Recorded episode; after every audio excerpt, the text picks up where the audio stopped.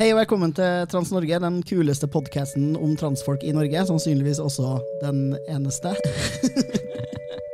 den er lagd av PKI, Pasientorganisasjonen for kjønnsinkongruens. Jeg heter Luka Dalen Espeseth, og i dag har jeg med meg Alexander Sørli. Hei, hei. Jeg er så sjukt glad for at du er med, fordi jeg er sint og forbanna, og jeg vet at du også er flink til å være sint og forbanna. Eh, og dagens tema er KrF sine nye antitransforslag som de driver og diskuterer i, på landsmøtet sitt i helga, og en aldri så liten debatt jeg var med i på fredag i Dagsnytt 18. Ja, og du var jo veldig flink, da, syns jeg.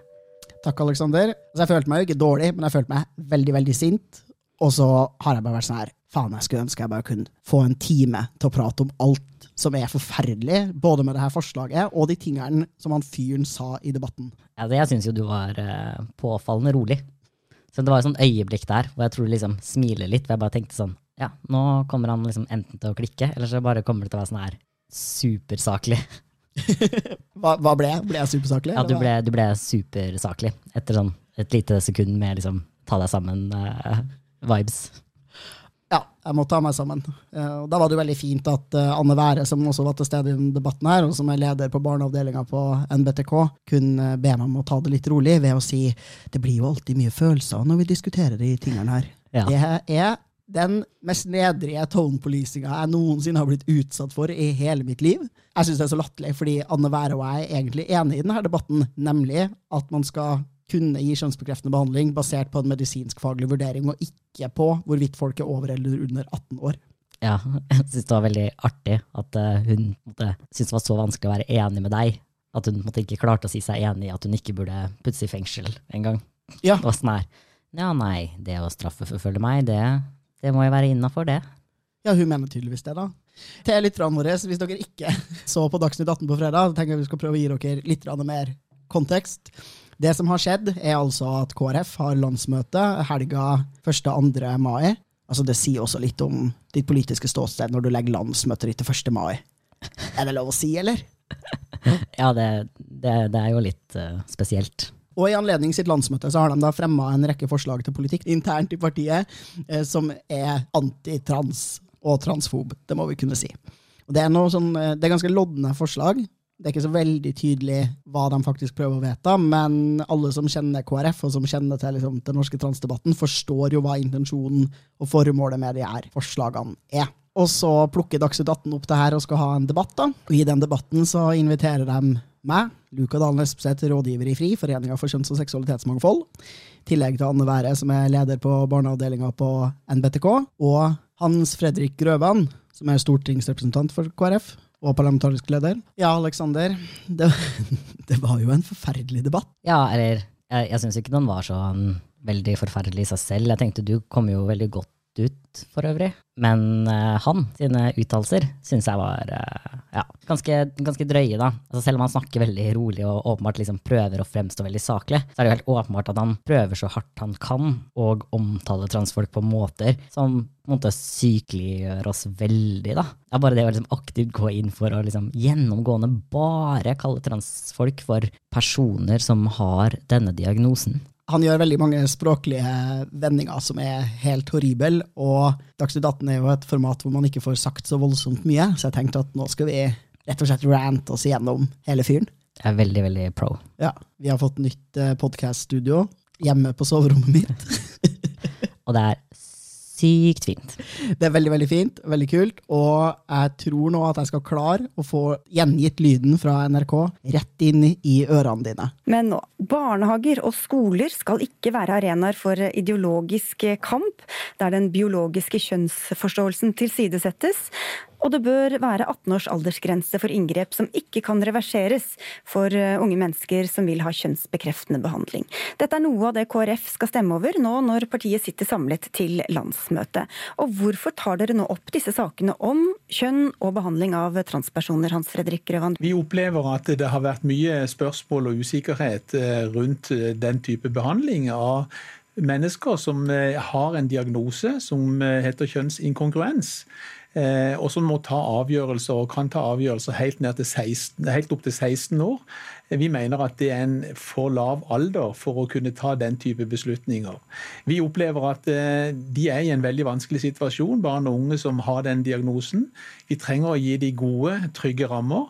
Eh, og vi trenger å gi dem en mulighet for å få en beslutning som er godt utreda og vurdert, og at de er trygge på at ikke de gjør noe som blir eh, de angrer på, eller blir helt irreversibelt for dem. Derfor foreslår vi 18 års aldersgrense. Ja, Hva er det egentlig han sier her? Han, han sier altså at han, han, later som han har en voldsom omsorg for mennesker med kjønnsinkongruens, og sier at barn og unge her kan slite, og det er viktig at man gir trygge og gode rammer. Trygge og gode rammer betyr for han da, at du skal ha null tilgang på behandling fram til du fyller 18 år. En veldig trygg ramme, med mm. null fleksibilitet til å ta individuelle vurderinger av hver enkelt kid.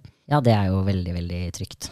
Ja, og jeg, jeg, jeg syns jo faktisk liksom, at det å gjennomgående bare si barn og unge som har denne diagnosen, Altså, det som er spennende, er jo at liksom, kjønnsinkongruensdiagnosen er jo heller ikke en sykdom, men det kommer jo ikke fram i det hele tatt. Og den måten som han prøver å fremstille det, er jo, det, det er jo et åpenbart ønske her om at man skal fremstilles som syke. Ja, definitivt. Det å ha kjønnsinkongruens er noe som feiler det. Uh, og så skal vi gjøre litt sånn uh, eh, KrF-omsorg. Da må synes litt synd på dem som har det vondt og vanskelig i denne situasjonen. Samtidig som man jo fremstiller det som om det er ja, nettopp en sykdom, og kanskje noe som kan kureres. Og da ikke gjennom kjønnsbekreftende behandling, men gjennom å få oss til å slutte å være trans.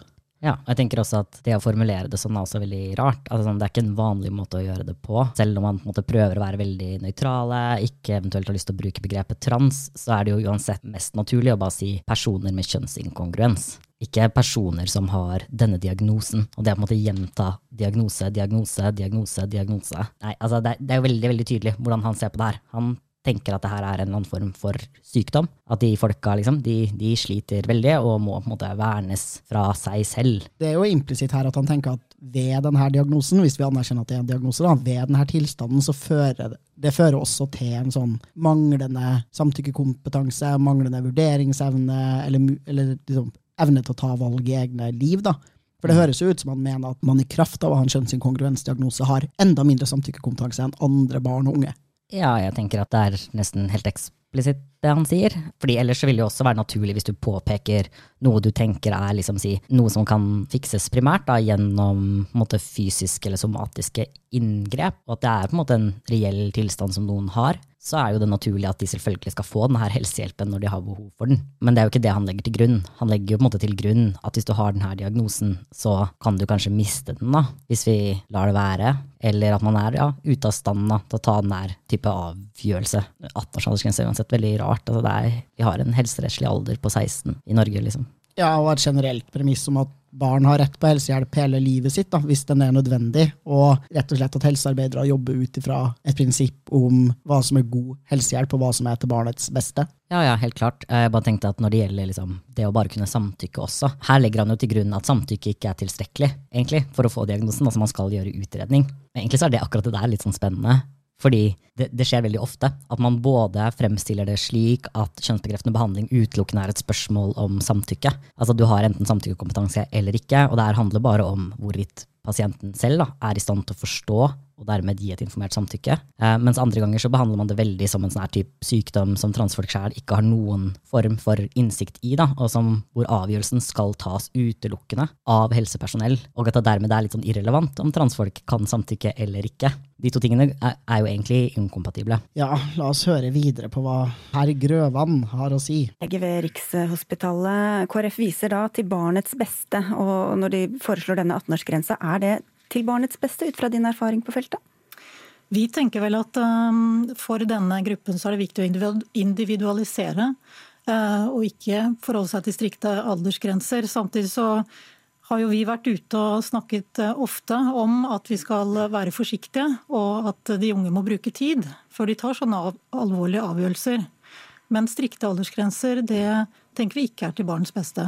Hva kan unge få i uh, behandling i dag som ikke kan reverseres da, før de er 18 år. Mm. Um, kan si at uh, Kirurgisk behandling, altså det å fjerne bryster eller å operere på kjønnsorganer, det gjøres ikke før man er 18 år, og gjerne senere også. Men det å få hormonbehandling med testosteron eller med østrogen, det kan man i dag gjøre ved 16 års alder når man er sånn helserettslig myndig, som det heter. Så er det også mulig tidligere for noen få å få det som heter pubertetsutsettende behandling, som man sier er reversibel. Mm.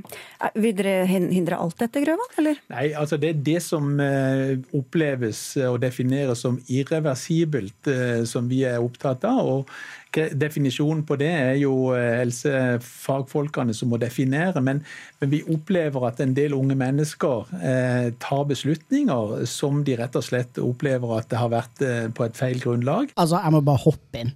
Så han mener at det er opp til helsepersonell å definere hva som er irreversibelt. Han, ja. han sier veldig eksplisitt det. Mm. Uh, og så sier jo Anne Være også at hun mener at kirurgi er det som er irreversibelt. Det høres ut som hun mener både genitalkirurgi og toppkirurgi. Jeg er jo ikke enig heller i at toppkirurgi er irreversibel behandling. Altså Du kan aldri gå tilbake til det nøyaktige utgangspunktet du hadde, men du kan få pupper etter å ha fjerna pupper, og du kan fjerne pupper etter å ha fått dem. Ja, ja, jeg er for så vidt enig, men det her reversibelt og irreversibelt skille er jo allerede utrolig utydelig. Jeg syns for så vidt hans formulering er veldig artig. Jeg syns det er gøy at han sier at det er det som oppleves irreversibelt. Altså, nei, hva, hva sier det? Er det liksom altså, Det er ikke et sånn objektivt fakta, det er noe man opplever, liksom. Det er en sånn subjektiv størrelse, da. Sånn, hvis du opplever det som irreversibelt, så er det 18 års aldersgrense. Hvis du ikke opplever det som irreversibelt, så er det ikke det. Ja, og hvem sin opplevelse er det? Er det vår opplevelse, da? Det hadde vært veldig deilig hvis det var liksom ja. vi som fikk bestemme hvorvidt vi opplevde noe som irreversibelt eller ikke. Og han øh, fortsetter jo også da med å si at han har en opplevelse. Han opplever ganske mye. Mye opplevelse og erfaring på den fyren her. Uh, opplevelse, erfaring og føling. Og han opplever, erfarer og føler at veldig mange ungdommer har gjennomgått irreversibel behandling før fylte 18 år. Det må man jo legge til grunn her. Hvis 18-årsgrensa skal ha en funksjon, så snakker han spesifikt om mennesker som får tilgang til kjønnsbekreftende behandling før de ble 18 år, og som opplever at det var feil for dem, og som i dag opplever en form for anger, da, eller som skulle ønske at de ikke fikk tilgang til den behandlinga, og som også det tenker jeg er viktig, også tror at de hadde ombestemt seg og ikke ønska den behandlinga hvis den ble utsatt til de var over 18 år. Da ville de tenkt annerledes som tema. For ellers er jo heller ikke 18-årsgrensa har den heller ikke noen funksjon. Nei, nei. Og da får jeg lyst til å spørre hvem? Hvem er det du har snakka med som sier at de har fått tilgang på kjønnsbekreftende behandling i Norge før fylte 18 år, som angrer på det, og som er sikker på at det ville vært annerledes hvis den behandlinga har blitt utsatt til de var 18 år. Ja, ja, det vil jo jeg også veldig gjerne vite, men jeg tenker jo at det er jo ikke en tilfeldighet at han aldri nevner hvem det er som driver og opplever og føler og har erfaringer med ting. Det er jo bare en sånn vag størrelse som er sånn her Vi opplever at det kanskje teoretisk sett finnes noen som Erfare. Som erfarer at behandlingen var irreversibel, og at de angrer, og de var under 18 år. Ja, er helt, Han er helt ute. Sorry, liksom. Men det, er, det gir ingen mening, og jeg syns det er fortvilende å sitte i debatter. Det gjelder generelt for den transsamtalen man har i offentligheten nå, at folk ikke er ærlige om hva som er bakgrunn, intensjon og ønsker med det de snakker om. Man kan framstille det som om man bare har en sånn Nei, vi er bare litt bekymra for cis-jenta sin eh, mulighet til å konkurrere i idrett. Vi har ingen transnegativ motivasjon bak forslaget vårt, eller det vi sier. Og det samme der, nei, vi har bare omsorg, vi, for unge, sårbare mennesker. Det er ikke sånn at vi har noen negative ideer om transfolk, eller syns at det er forferdelig med kjønnsbekreftende behandling, punktum. Og det er jo helt opplagt at han syns det er forferdelig med kjønnsbekreftende behandling, punktum, og at han ønsker å ty til ethvert middel for å presse transfolk til å late som om vi ikke er trans. Eventuelt så tror han også at det å være trans er noe du kan få folk til å slutte med. Og det er ikke usannsynlig å tro det i et parti som har det synet på homofili, som jo mm. KrF opplagt har. Man mener, veldig mange folk i KrF mener jo at med litt, en liten dytt i riktig retning, så kan du slutte å være homo. Mm. Skal vi høre videre? La oss gjøre det. Ja. ønsker at vi skal trygge de rammene rundt de, for vi vet dette er en vanskelig avgjørelse. Og i tillegg så har vi også sett at det har vært en ganske sterk økning av unge jenter som i senere tid har vært opptatt av å eh, søke eh, kjønnsskifte. Og da ønsker vi å komme litt dypere inn i det og lage noen rammer som gjør at eh, når en velger en så beslutning, en viktig beslutning, da gjør en det på et trygt og godt grunnlag. En ting jeg syns er veldig artig, er den her Vi vet at det er en veldig vanskelig beslutning. For det første så blir jeg sånn Er det noe vil du fortelle oss, eller, Grøvan? Altså, er du trans, liksom? Altså, han opplever jo og føler så mye, han veit jo så mye han, om de her beslutningene og ja, hvordan det oppleves og føles og erfares og Altså, han, han har jo erfart alt det her, han, helt åpenbart. Det høres sånn ut at uh, han har uh, enten så er han trans sjæl, eller så har han veldig, veldig veldig nære venner som er trans i sin omgangskrets, som har snakka mye til han om hvordan det oppleves å ta beslutninger rundt kjønnsbekreftende behandling. Mm. Men jeg, jeg, kan jo si det, da, at jeg er jo faktisk liksom helt uenig i det. Jeg tenker ikke at det er en vanskelig beslutning. Jeg tenker at det valget da, om å faktisk liksom ta kjønnsbekreftende behandling etter at du liksom har kommet ut av skapet, du har skjønt at du er trans, du har liksom gjort alle de her andre grepene, og nå er det eneste som er igjen, da, er kjønnsbekreftende behandling. Det er jeg ikke enig i, da, at er en veldig vanskelig beslutning for de aller fleste. Det å komme ut er en vanskelig beslutning. Det å velge å leve åpent som trans, det er en vanskelig beslutning. Det å faktisk liksom ta den her ene, da, eller en eller to liksom, av disse såkalt liksom irreversible operasjonene, det er ikke en vanskelig beslutning Nei, du har helt rett. Det er ikke en vanskelig beslutning. Du har et ekstremt sterkt ønske om å endre kroppen din, og livet ditt føles faktisk jævlig da, uten tilgang på denne behandlinga. Men han er jo egentlig ikke, tror jeg, opptatt av kjønnsbekreftende behandling. Han høres ut som han mener at det er det å være trans som er avgjørelsen vi her snakker om. Mm. Fordi han legger nok til grunn at trans er noe du bestemmer deg for å være, og som mm. du kan bestemme deg for å ikke være. Hva er det ellers som er vanskelig? Nei, altså det, det, tenker jo jeg også, da. Og igjen så snakker han jo også som om systemet vi har nå er 100% samtykkebasert, som er interessant. Altså han, han, høres ut som han bare snakker som om det her er å ta en tatovering, da, rett og slett. At liksom, dette er et vanskelig valg å ta, men idet du har liksom tatt det valget, så får du jo bare umiddelbart operasjon, liksom. Og derfor må vi sette noen rammer da, for når folk bare kan bestemme helt sjæl at de skal gjøre de her irreversible endringene. Det er jo veldig fint hvis det han fronter her er et system hvor folk har tilgang på kjønnsbekreftende behandling bare basert på samtykke etter fylte 18 år. Det er jo en modell jeg veldig gjerne ønsker meg. Ja, Så det virker som man ikke forstår at uh, tilgang til kjønnsbekreftende behandling er ganske heftig gatekeeper av Anne Være, som sitter i studio der.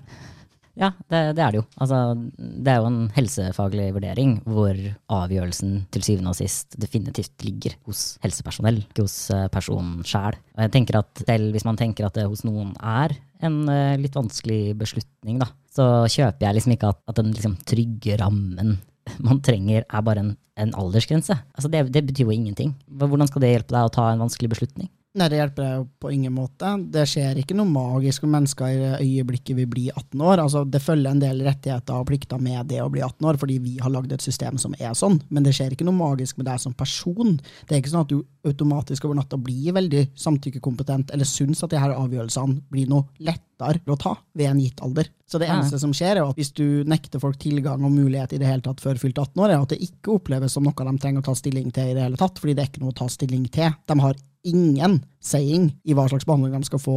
Nei, nei. Det er jo også sånn at hvis du er i den kohorten da, som får si liksom genitalkirurgi når du er 18, liksom, altså, da, da, har du visst at du skal ha den operasjonen lenge. Det er ikke sånn at du får det. Det er ikke sånn at Hvis du oppsøker helsevesenet når du er 18, så får du genitalkirurgi samme år.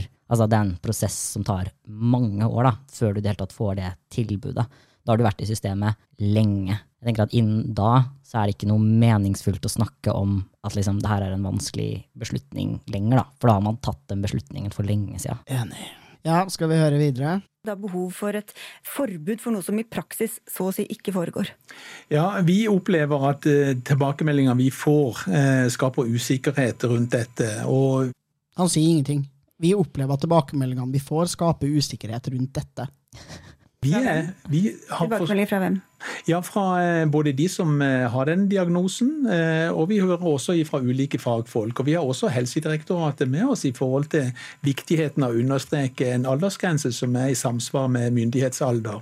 Også lege her sier jo han Helsedirektoratet og mener Folkehelseinstituttet, bare så det er sagt. Men ja, altså, tror, tror, du han mener det, eller tror du han mener liksom retningslinjene som sier at det skal være 18 års aldersgrense på å få genitalkirurgi?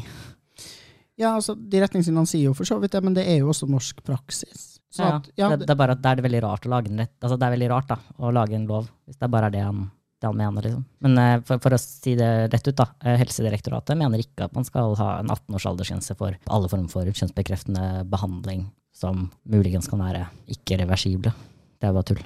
Nei, De er jo helt tydelige på at her må man tenke på barnets beste, ungdommens beste, og eh, hva som er medisinsk faglig lurt. Og Da vil det jo være noen tidspunkt i livet hvor det lurer å iverksette en del kjønnsbekreftende tiltak. For eksempel så er det jo lurt å få hormoner tidligere i livet, hvis du har lyst til at de skal ha god effekt. Bare sånn rent medisinsk. Men ja, vi høre videre. Regjeringen er tydelig på det.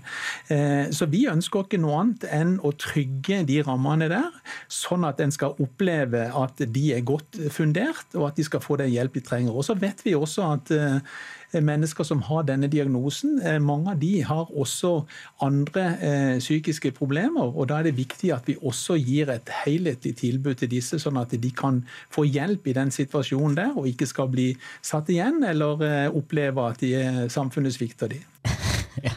Ja, han, eh, han hadde bare lyst til å si litt om at eh, transfolk har dårlig psykisk helse. Og selvfølgelig sier han det bare fordi han er så omsorgsfull og er så opptatt av at vi skal møte et helhetlig og godt helsetilbud, som han sier. Det er jo ikke for å fremme en helt tydelig agenda hvor målet er å fremsette transfolk som psykisk syke, ikke samtykkekompetente folk som har andre problemer som fører til at vi kanskje tror at vi er trans, men at vi egentlig ikke er det.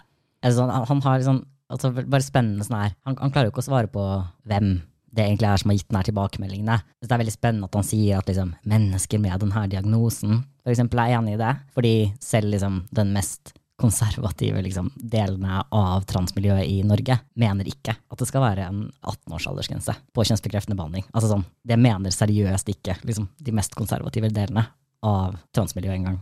Nei, jeg tenker HBRS er da for tilgang til kjønnsbekreftende behandling før man fyller 18 år. Helt eksplisitt. Ja, ja. Rikshospitalet for, og de er jo de mest konservative delene av norsk transmiljø. Og jeg har heller ikke sett en eneste aktivist eller person som har vært ute i media og sagt noe annet. Altså, apropos Frp-Maria, som vi snakka om på en tidligere podkast, hun er jo ganske konservativ. Eh, sier jo selv at hun fikk tilgang på genitalkirurgi som 19-åring og kjønnsbekreftende behandling lenge før det. Og hun har ikke sagt at det var dumt.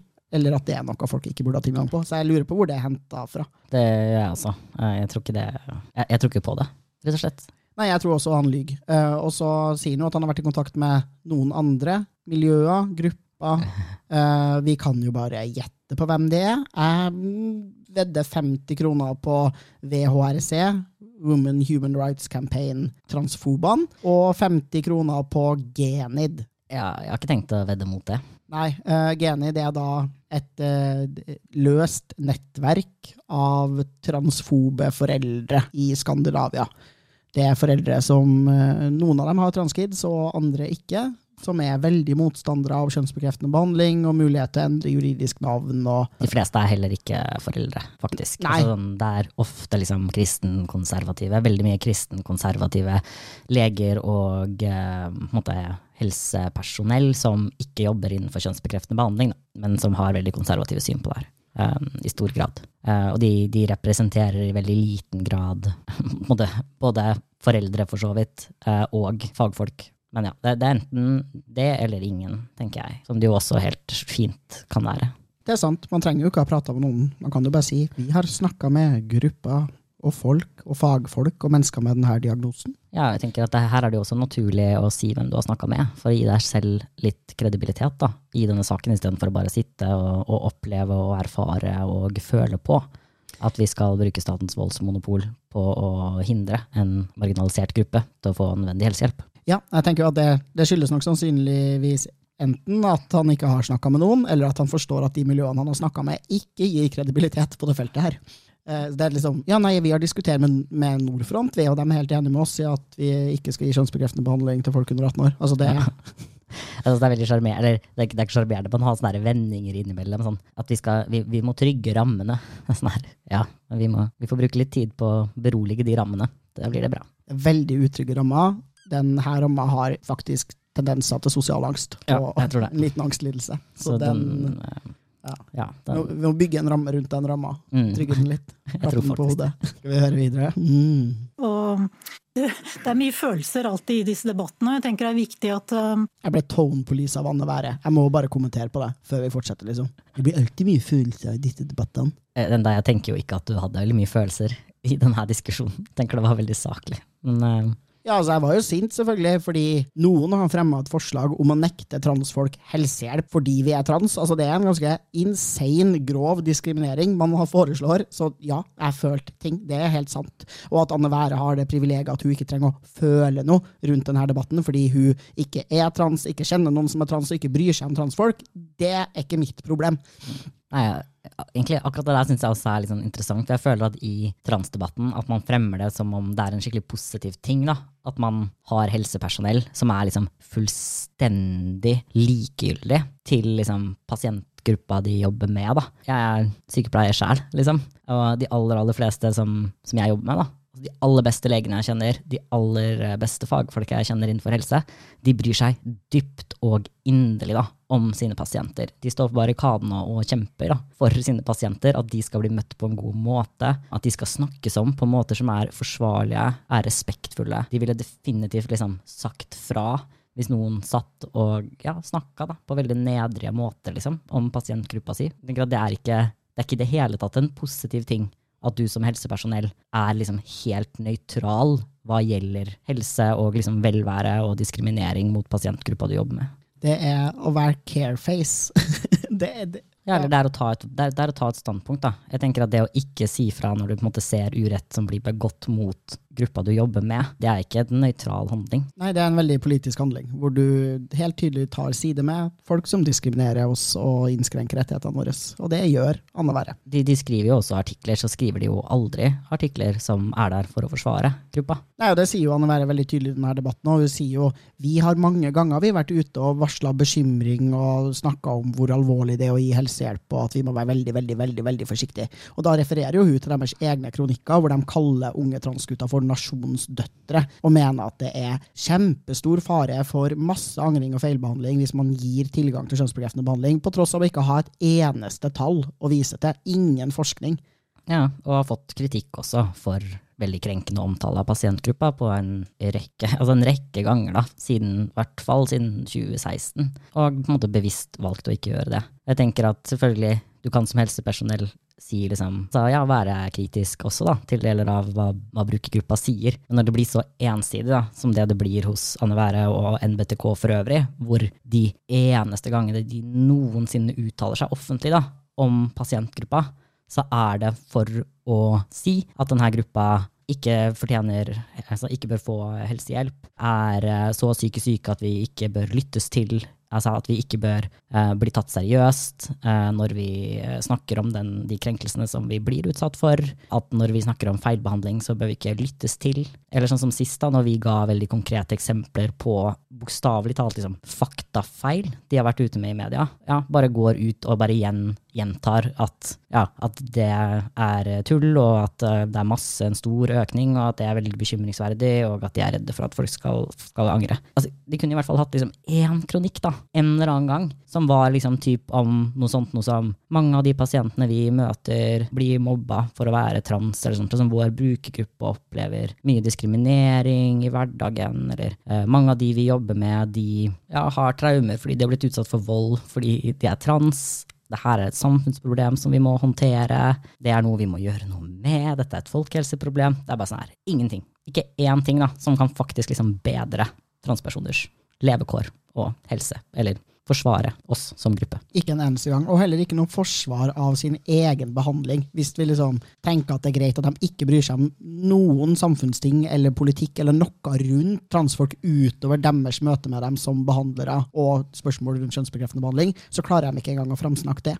Her sitter Anne Være og har en gyllen mulighet til å si vi gir kjønnsbekreftende behandling til folk under 18 år fordi vi tenker at det er medisinsk nødvendig, fordi vi ser at de menneskene her får bedre liv av det, og vi er i stand til å ta gode avgjørelser rundt de her spørsmålene, og burde ikke overstilles av politikere. Istedenfor så sier han lodden, loddent at hun er imot en strikt aldersgrense, men klarer ikke å framsnakke sin egen jobb. Og her sitter hun faktisk i møte med en fyr som har lyst til at hun ikke skal ha en jobb. Ja. Fordi vi trenger ikke å gi noe kjønnsbekreftende behandling til folk under 18 år, så da trenger vi heller ikke en nasjonal tjeneste som har spesielt ansvar for folk under 18 år. Ja, så Hun høres ut som hun er enig i at, eller basically da, mener at denne behandlingen er dårlig, og nesten ikke burde finnes. Altså Jeg får i hvert fall ikke noe inntrykk av at hun liksom klarer å forsvare den på en meningsfull måte. da. Bare fortelle at liksom, det her er faktisk liksom livsnødvendig for noen. Det har vært et utrolig liksom, nyttig ting å si da, på det her tidspunktet. å være sånn her, Det er faktisk liksom, veldig alvorlig dersom man lager en sånn aldersgrense. Vi ser at for de det gjelder, så er liksom denne typen behandling kjempeviktig. Og de får mye bedre liv.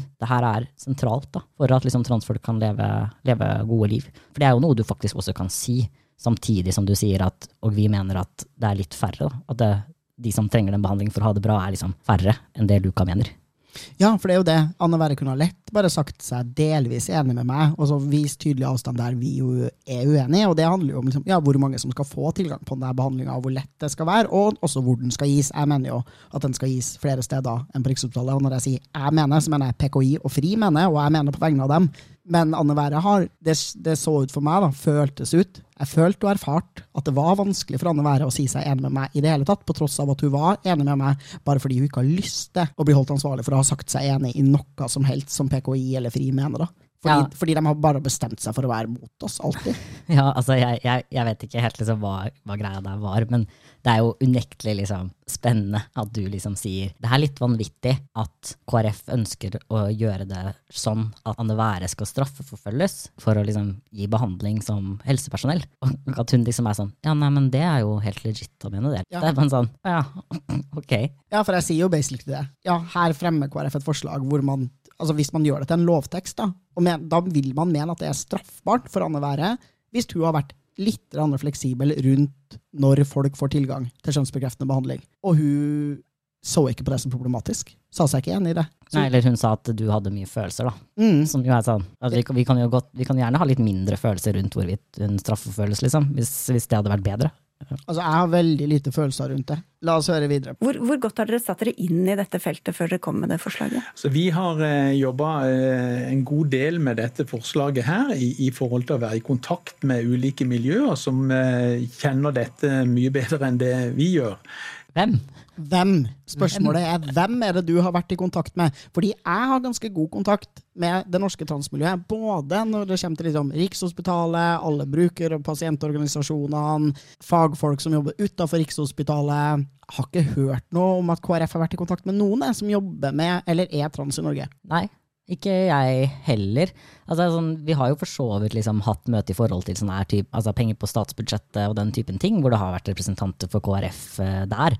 Det må jo være det nærmeste, og det har definitivt ikke vært liksom, samtaler som har handla om det her overhodet. Og i hvert fall ikke hvor vi har gitt inntrykk for det som, det som, sies der. Det er jo definitivt påfallende å snakke om at man har vært i kontakt med ulike miljøer, men det har liksom ikke inkludert da FRI og PKI. Jeg tror nok de miljøene du har vært i kontakt med, ikke er så veldig ulike. Jeg tror de er ganske like. Ja, og det er jo åpenbart heller ikke NBTK Nei. de har vært i kontakt med, og det er jo heller ikke Helsestasjon for kjønn og seksualitet de har vært i kontakt med. Og da begynner det jo liksom bli ganske få da, som er igjen, som har liksom veldig god peil på det her. Ja, cirka ingen. Eh, og dette har vært synspunkter som har vært eh, servert fordi at en ønsker å ta dette skikkelig på alvor. Eh, vi skjønner utfordringene som disse menneskene står i. Det er ikke mange, men, men f.eks. dette her med at vi plutselig har fått mange flere som nå ønsker å få den type behandling. Det er også et trekk som vi ønsker å trenge mer inn i og få mer kunnskap om. Vi ser også at dette er en utvikling som ikke bare skjer i Norge, eh, men også i andre land, og spesielt dette med, med jenter. Og så er det jo også dette, disse rådene som Helsedirektoratet har gått ut med. Eh, og så er det en tredje ting som jeg har lyst til å nevne, at når en har en aldersgrense på, på 16 år i dag, Eh, så er det også et spørsmål om hvilken grad skal familien involveres når en snakker om en ungdom som ikke er myndig. Mange familier opplever at de blir satt på sidelinja her og ikke blir involvert. Og vi mener at hvis en et barn eller en ungdom er under 18 år, så burde det også vært et samtykke fra familien her. Når han sier det der, så blir jeg jo enda mer forvirra. Tenker de da at man skal kunne gi behandling til folk som er under 18 år, så lenge foreldrene samtykker til det? Ja, det var jo plutselig det han sa nå. Det var ikke noe 16 års aldersgrense her nå. Eller mener han kanskje nå også på reversibel kjønnsbekreftende behandling? Ja, for Da er det jo et heftig tiltak, hvis det de mener er liksom ting sånn som ja, blokkere, men eventuelt også bare det å endre kjønnsuttrykk og sånn, da? Ja, det er jo det er mange spørsmål som melder seg, men jeg, jeg kjenner jo at jeg er tilbøyelig til å tenke at um, han mener at uh, foreldre skal kunne bestemme hva slags kjønnsuttrykk ungene deres har, at de skal kunne bestemme deres juridiske navn og juridiske kjønn, og at de skal bestemme når de får tilgang på helsehjelp, og hvilken helsehjelp de får tilgang på. Helt uavhengig av hva denne ungdommen måtte mene, og helt uavhengig av hva helsepersonell måtte mene om saken. Ja, det tror jeg altså. Eller så må jeg si da, at jeg syns liksom det å gjennomgående snakke om disse menneskene, mennesker med denne diagnosen, når han sitter i en samtale da, med noen som faktisk er i den situasjonen. Altså, Jeg opplever det som dehumaniserende. Men det er det jo. Jeg ville aldri sittet sånn da, og, og snakket om liksom, vi skulle snakke om cis-folk, da, eller snakke om kristne, da, i en debatt med noen som var kristne, rett sittende rett foran meg, og si sånn Disse menneskene, altså mennesker som bla, bla, bla. Disse menneskene som utøver kristendom og har kristent livssyn. Ja, og bare aldri adressere, da, direkte, liksom, folk som er trans, eller snakke om liksom bruk, altså bruke den gruppens egne begreper, da, for seg sjæl. Altså, det bare er en sånn Altså, du sier jo ikke det noen gang, liksom. Det er jo bare han som bare fortsetter med det her. Eller som jeg sier, jeg, det er liksom på siden, da, men jeg er litt sånn fascinert over at han snakker så mye om de med denne diagnosen, og da er det jo veldig interessant om liksom, gjelder det da ikke liksom deg og meg? For at vi, vi har jo transseksualisme-diagnosen. Det er sant. Så, så vi er jo faktisk ikke mennesker med den diagnosen engang. Hmm, spennende, det kunne vi jo spurt noen om. Så er han jo ja, opptatt av denne økninga, og det han omtaler som unge jenter, som selvfølgelig er unge gutter, eller ikke-binære. Anbefaler for så vidt lytterne våre å gå tilbake og høre på episoden vår både om angring, og episoden vår om hvorvidt kjønnsinkongruens eller det å være trans kan smitte via internett. Jeg tenker at Begge de to episodene adresserer hans bekymring rundt økende antall mennesker som oppsøker kjønnsbekreftet behandling relativt godt. Ja, og, og ikke minst en, vi lagde en episode også om rapid onset gender dysphoria. Stemmer det. Herregud, vi har rett og slett gjennomanalysert det her temaet. Det har vi. Her er bare en liten ekstra rant, det her. Bare en liten ekstra rant. Kanskje vi burde sende denne episoden her til KrF etterpå? Være sånn her, hei, tenker dere kunne, siden dere ikke har vært i kontakt med vårt miljø, men veldig mange andre miljøer som jobber med denne tematikken, gud vet hvem, men det, ja, kanskje dere skal høre litt på oss. Her har vi noe velvalgte ord til dere. Ja, ja. Skal vi lytte videre? Dere foreslår at barnehager, skoler og andre institusjoner hvor barn og unge møtes, da, ikke skal være arenaer for ideologisk kamp, der den biologiske kjønnsforståelsen tilsidesettes. Hvor er det det skjer i dag?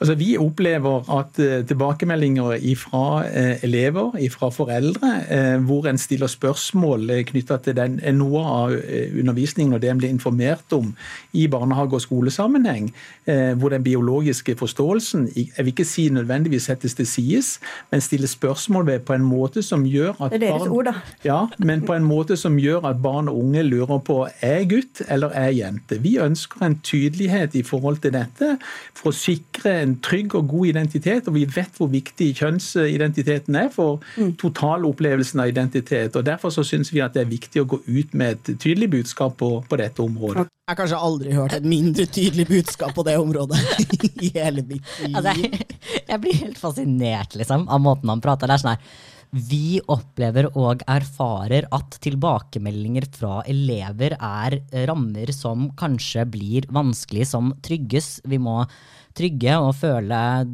Vi føler og erfarer at lærere opplever og erfarer at rammer og kjønn Altså, det er bare helt sånn her Kan du si en hel setning, liksom? Altså, kan, kan du mene noe? Vær så snill. Kan du bare si liksom hva du vil, og hvorfor du mener det, og hvor det foregår? Får et veldig tydelig spørsmål, da, som er sånn her Hvor foregår det i dag? Hvor er den her indoktrineringa? Svaret på det er ikke Jeg opplever og føler og erfarer at elever opplever og føler og erfarer at lærere og har kjønn som vi må trygge grensene rundt.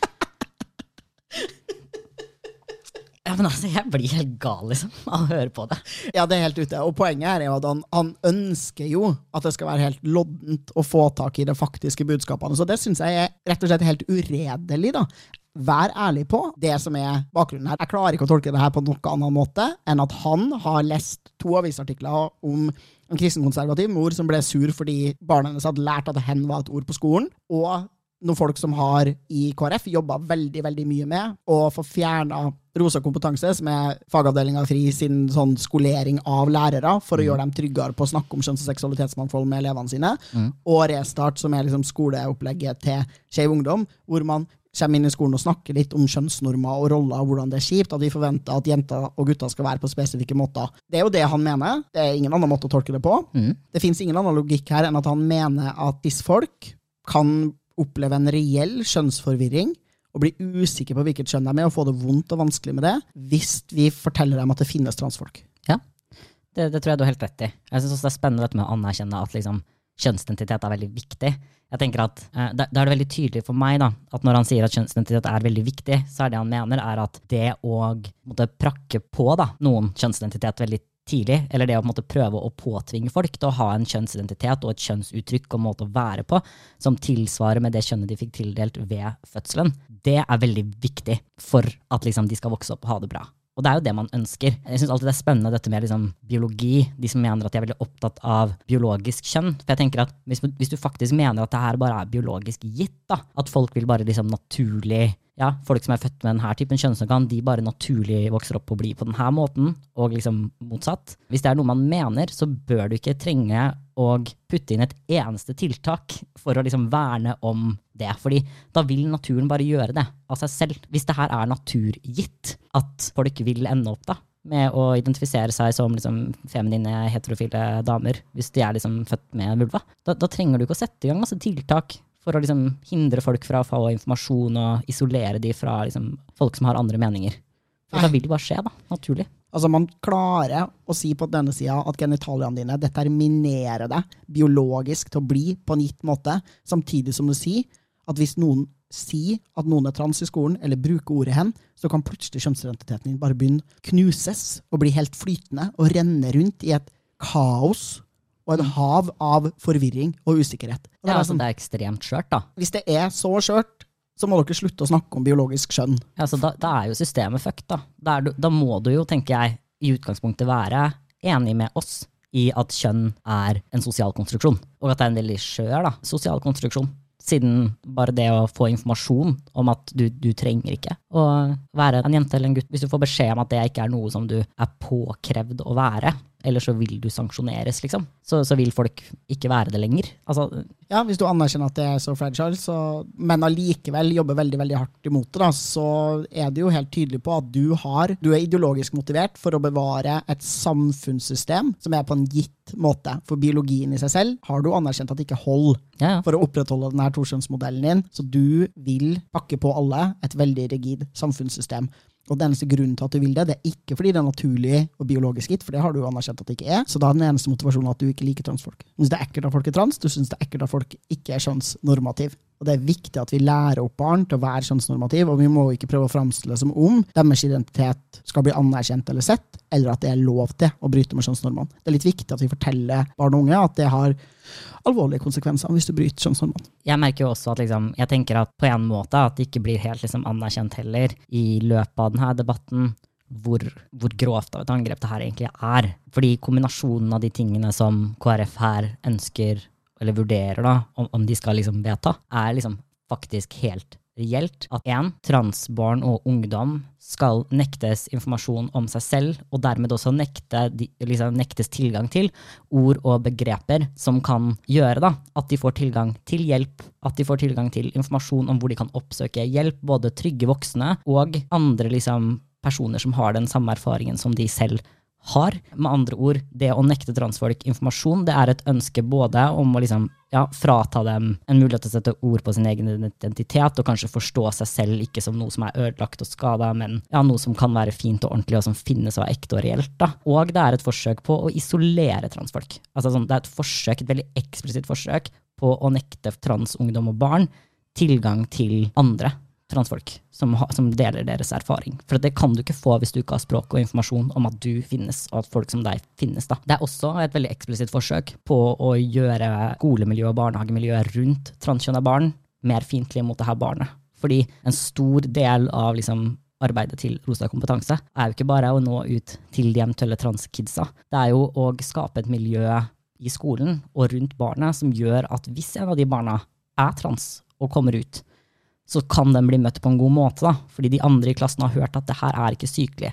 Det her er greit, liksom. Den riktige måten å møte de her folka på er ja, med respekt og bare akseptere at sånn, sånn er mennesker, og de fortjener liksom kjærlighet, empati og de her tingene. Og det ønsker de å frata. Det, det, det er superbrutalt, da. Det er å samtidig mene at, liksom, at vi skal eksplisitt gå inn for å lage et mer fiendtlig liksom, miljø rundt barn og ungdommen, samtidig som vi nekter barn og ungdommen tilgang til andre miljøer som er mer friendly. Og så skal vi i tillegg nekte de kjønnsbekreftende behandling, som kan gjøre at de eventuelt ville hatt muligheten da, til å assimilere inn i cis-kultur, altså være mindre synlige som transfolk i et fiendtlig miljø. Bare kombinasjonen av det er altså Jeg skrev det på Twitter også. Jeg tenker sånn, jeg sier ikke at det er intensjonen til KrF, men jeg mener at bastant at liksom, kombinasjonen av det her er dødelig. Det her er ting som gjør at folk tar livet av seg. Altså isolasjon, mangel på community, mangel på forståelse, fiendtlig miljø rundt seg, og å bli fratatt alle verktøy du har for å eventuelt assimilere og bli mindre synlig som annerledes. Altså det, det, er, det er en så grusom ting å gjøre mot noen, da. Ja, det er helt grusomt. Og jeg tror det er intensjonen og ønsket til KrF. Det kan hende at de ikke forstår hvor grusomt det er, fordi de ikke forstår hva det vil si å faktisk være trans, og tror på å anerkjenne at vi faktisk er det. Det kan hende at de tenker at det er noe vi kan slutte med, hvis man bare nettopp legger ja. det her presset. da. Gjør det vanskelig å få tilgang til ord, språk, forståelse, community og helsehjelp. Men de vet jo egentlig at trans er noe du er, og med en gang du anerkjenner det, så er det her bare massiv, massiv vold. da. Det er det som er resultatet av det. Det, ja. det, det, er det som, som, kommer til å være konsekvensen. I tillegg så er det jo også viktig å påpeke at når de legger så vekt på det her med foreldresamtykke, så sier de også at barn som lever i miljøer hvor foreldrene deres er uttalt transfob og nekter dem tilgang på helsehjelp, og er i et miljø hvor man typ kan bli nekta tilgang på internett og informasjon og networking med andre, så sier man altså at barn som blir utsatt for omsorgssvikt, transfobi og verre ting hjemme, ikke skal hjelpes. Mm. At de er helt prisgitt sine foreldre.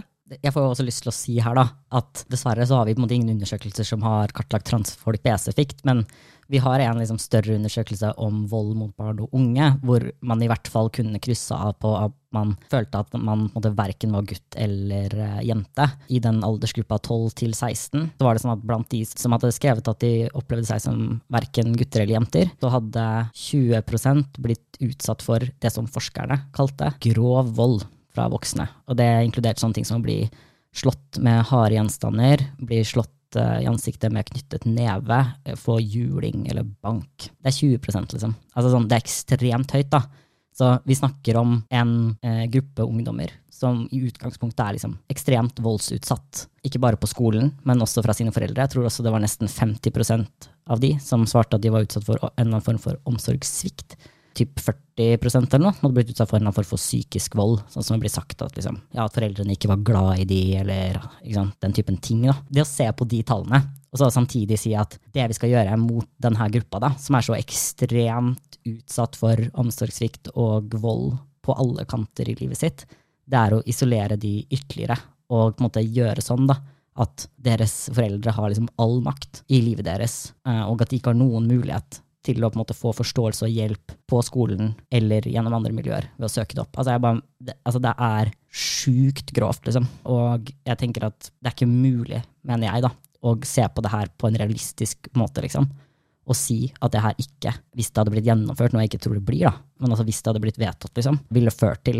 at transkids liksom tok livet sitt. Jeg tenker at selvfølgelig ville det gjort det. Og blant de som ikke tok livet sitt, som selvfølgelig fremdeles ville vært de, fleste, altså de, de, færreste tar jo sitt eget liv, at de selvfølgelig liksom ville blitt påført helt enorme traumer da, som de ikke hadde trengt å bli påført. Og ville blitt tvunget til å, å forbli i miljøer og i foreldresituasjoner, familiesituasjoner, hvor de ble utsatt for, for, vold og diskriminering. Og det som også ville ha skjedd sånn på sikt Jeg bare, jeg bare så for meg det her samfunnet som er helt forferdelig, og som vi skal gjøre alt for å jobbe imot. Men man ville jo da også endt opp med at de menneskene som fikk tilgang på kjønnsbekreftende behandling, ville allikevel endt opp med å leve ganske forferdelige liv, da, fordi de er vokst opp i så transnegative og transfobe omgivelser og er utsatt for så massive traumer i oppveksten. Og da vil man jo, når man skal forske på hvorvidt kjønnsbekreftende behandling virker eller ikke, fordi det er jo det KrF også nemlig foreslår, at man skal gjøre bedre studier liksom, av langtidseffektene av kjønnsbekreftende behandling, hvilket jeg er i utgangspunktet veldig for at man skal, så lenge man fortsetter å gi behandlinger mm. parallelt med det.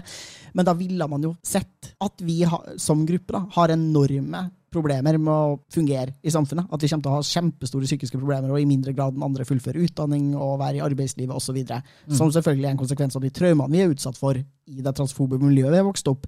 Men de kommer til å bruke det, og det vet jeg at de kommer til å gjøre. Bruke ja. det som argument for å nekte oss behandling. Det er jo nettopp det han gjør også når han mm. sitter her på Dagsnytt 18 og sier det her er en gruppe som har mye psykiske problemer. Og istedenfor å anerkjenne at vi har psykiske problemer fordi han og alle andre i verden er transfob, så sier han og fordi dere har psykiske problemer, så er det veldig viktig at vi gjør tilgangen til helsehjelp enda litt vanskeligere. Ja, ja. Altså, jeg tenker at det, er veldig spennende å si, ja, i hvert fall implisitt, da, si at denne gruppa har mye psykiske problemer, og vi mener at det å ha mye psykiske problemer, det gjør at man er ute av stand til å ta en avgjørelse og kunne samtykke til kjønnsbekreftende behandling. Og så samtidig så sier du og eh, på grunn av det så har vi lyst til å innføre tiltak i skolen og barnehagen som vil gjøre at denne gruppa får enda mer psykiske problemer enn det som de allerede har. Det er jo bare en Altså, for en felle, da. Hva om vi skaper et skikkelig fiendtlig miljø og gjør det sånn at transkids og ungdom bokstavelig talt ikke kan, da, eller vil ha muligheten til å vokse opp på en måte hvor de ikke blir utsatt for traumer, og så straffer vi de for å ha traumer på den måten at vi nekter de kjønnsbekreftende behandling fordi de har det. det. det. er jo helt vanvittig. Du kan ikke gjøre det, liksom. Nei, du kan ikke det. Men det her pakker KrF inn på en måte hvor det tilforlatelig handler om å trygge rammer og være sikker på at det ikke foregår noe irreversibel behandling. Og eh, ja, og bare sørge for at den informasjonen som gis i skolen, har en forankring i fagkunnskap og en biologisk forståelse av kjønn. Og Det høres jo tilforlatelig nok ut, det, men det er jo det her som blir konsekvensene av det de prøver å fremme her. Og det håper jeg at folk virkelig tar inn over seg. liksom, Hvor hinsides de forslagene her er. Og jeg tror det mm. er intensjonen og ønsket til KrF. Ja, altså, det tror jeg altså, For å være helt tydelig, når jeg sa at liksom, jeg vet ikke om det er intensjonen, så mener jeg at liksom, eller at jeg ikke tror det er intensjonen, eh, så, så, var det i forhold til sånn her Jeg sier ikke at intensjonen til KrF er at transkids bokstavelig talt skal ta livet av seg, liksom. Men jeg tror definitivt at intensjonen er å skape et miljø som er fiendtlig til transfolk. Altså, det, det er ingen tvil om at er tilfellet. Eh, og så tror jeg de tenker at det ikke vil liksom, skade så mye, og at det som måte vil skje, kanskje, da, er at det fungerer som en form for konverteringsterapi, basically.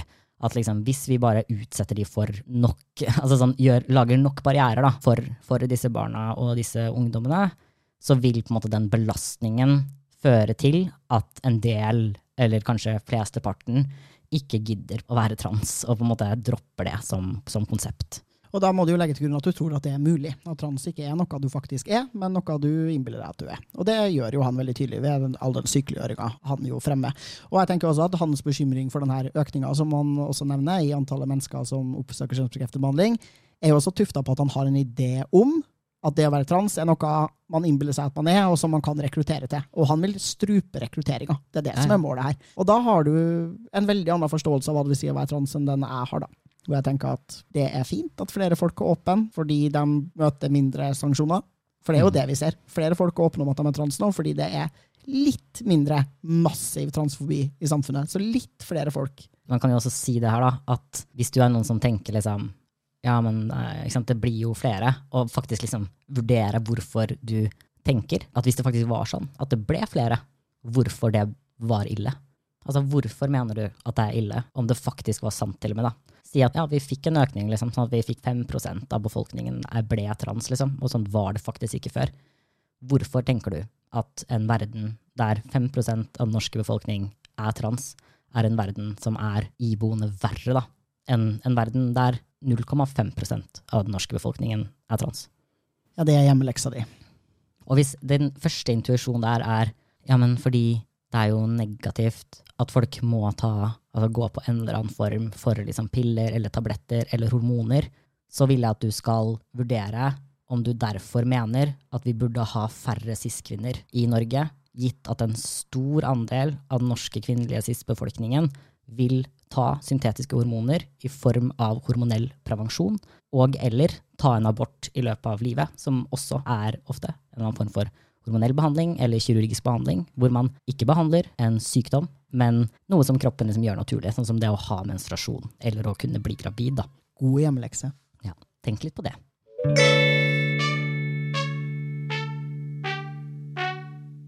Jeg tenker også det er en forakt der, da, på en sånn helt reelt plan. At det går an å snakke om intensjoner og den typen ting, men jeg tror faktisk ikke at man kan komme da, med den typen forslag som man kommer med her. Altså, da snakker jeg om alle disse tingene i kombinasjon. Dette med at vi skal aktivt gå inn for å nekte folk all tilgang til informasjon, både for barna selv og for liksom, miljøet rundt dem, og samtidig frata de da, muligheten til å få liksom, nødvendig helsehjelp og gå imot alle liksom, medisinskfaglige prinsipper da, for, for, å gjøre det. Den kombinasjonen av ting, altså, det tenker jeg ikke er mulig å gjøre, og faktisk helt reelt ha en god intensjon ovenfor transfolk. Altså Det kan godt hende at de mener at transfolks eksistens og synlighet da, er liksom så skadelig for cis-barn og ungdom at det er greit. Ja, da får vi bare ofre transkidsa, da. Da får de bare lide, liksom. Og det er på en måte en pris de er villige til å betale, og derfor forstår de seg selv som noen som har gode intensjoner. Men jeg tenker at på et eller annet tidspunkt så må vi faktisk da kunne være ærlige om at dette er ikke folk som vil transpersoner vel. Dette er ikke et forslag som handler om omsorg for oss. Kanskje handler det om omsorg for cis-kidsa, som blir litt forvirra. Det handler ikke om omsorg for transpersoner. Du har helt, helt rett til folk der ute, og ikke gå med på det når folk kommer med sånne argumenter som at de har omsorg for, eller bare ønsker at folk skal slippe å gjennomgå mye skjønnsbekreftende behandling, eller at det er tøft for folk å komme ut, eller andre sånne vikarierende argumenter som skal dekke over det som er intensjonen og ønsket deres, nemlig at det blir færre transfolk. Ja, eller typ hvert fall forstå da, at det er en forskjell på en eller annen fyr du møter på en bar, eller noe, som har liksom lest en artikkel, og så sier sånn Ja, men det er jo litt bekymringsverdig. Det er sånn her, ja, Folk som faktisk ikke har tenkt på det i det hele tatt, og som bare kaster ting ut fordi de fremdeles utforsker meningene sine og ikke vet helt hva de skal mene ennå, de kan godt liksom ha ti gode intensjoner i bånd og være liksom mottakelige for argumenter. Men det er ikke det vi snakker om her. Det vi snakker om her, er policyforslag. Altså, det her er politiske partier som kommer med reelle policyforslag da, og legger de på bordet. Da må vi kunne anta at de har satt seg inn i hva det betyr, og hva konsekvensene er, og vi må holde dem ansvarlig. På en helt annen måte enn når noen bare sitter og synser og syns det er vanskelig og ikke kan så mye om det.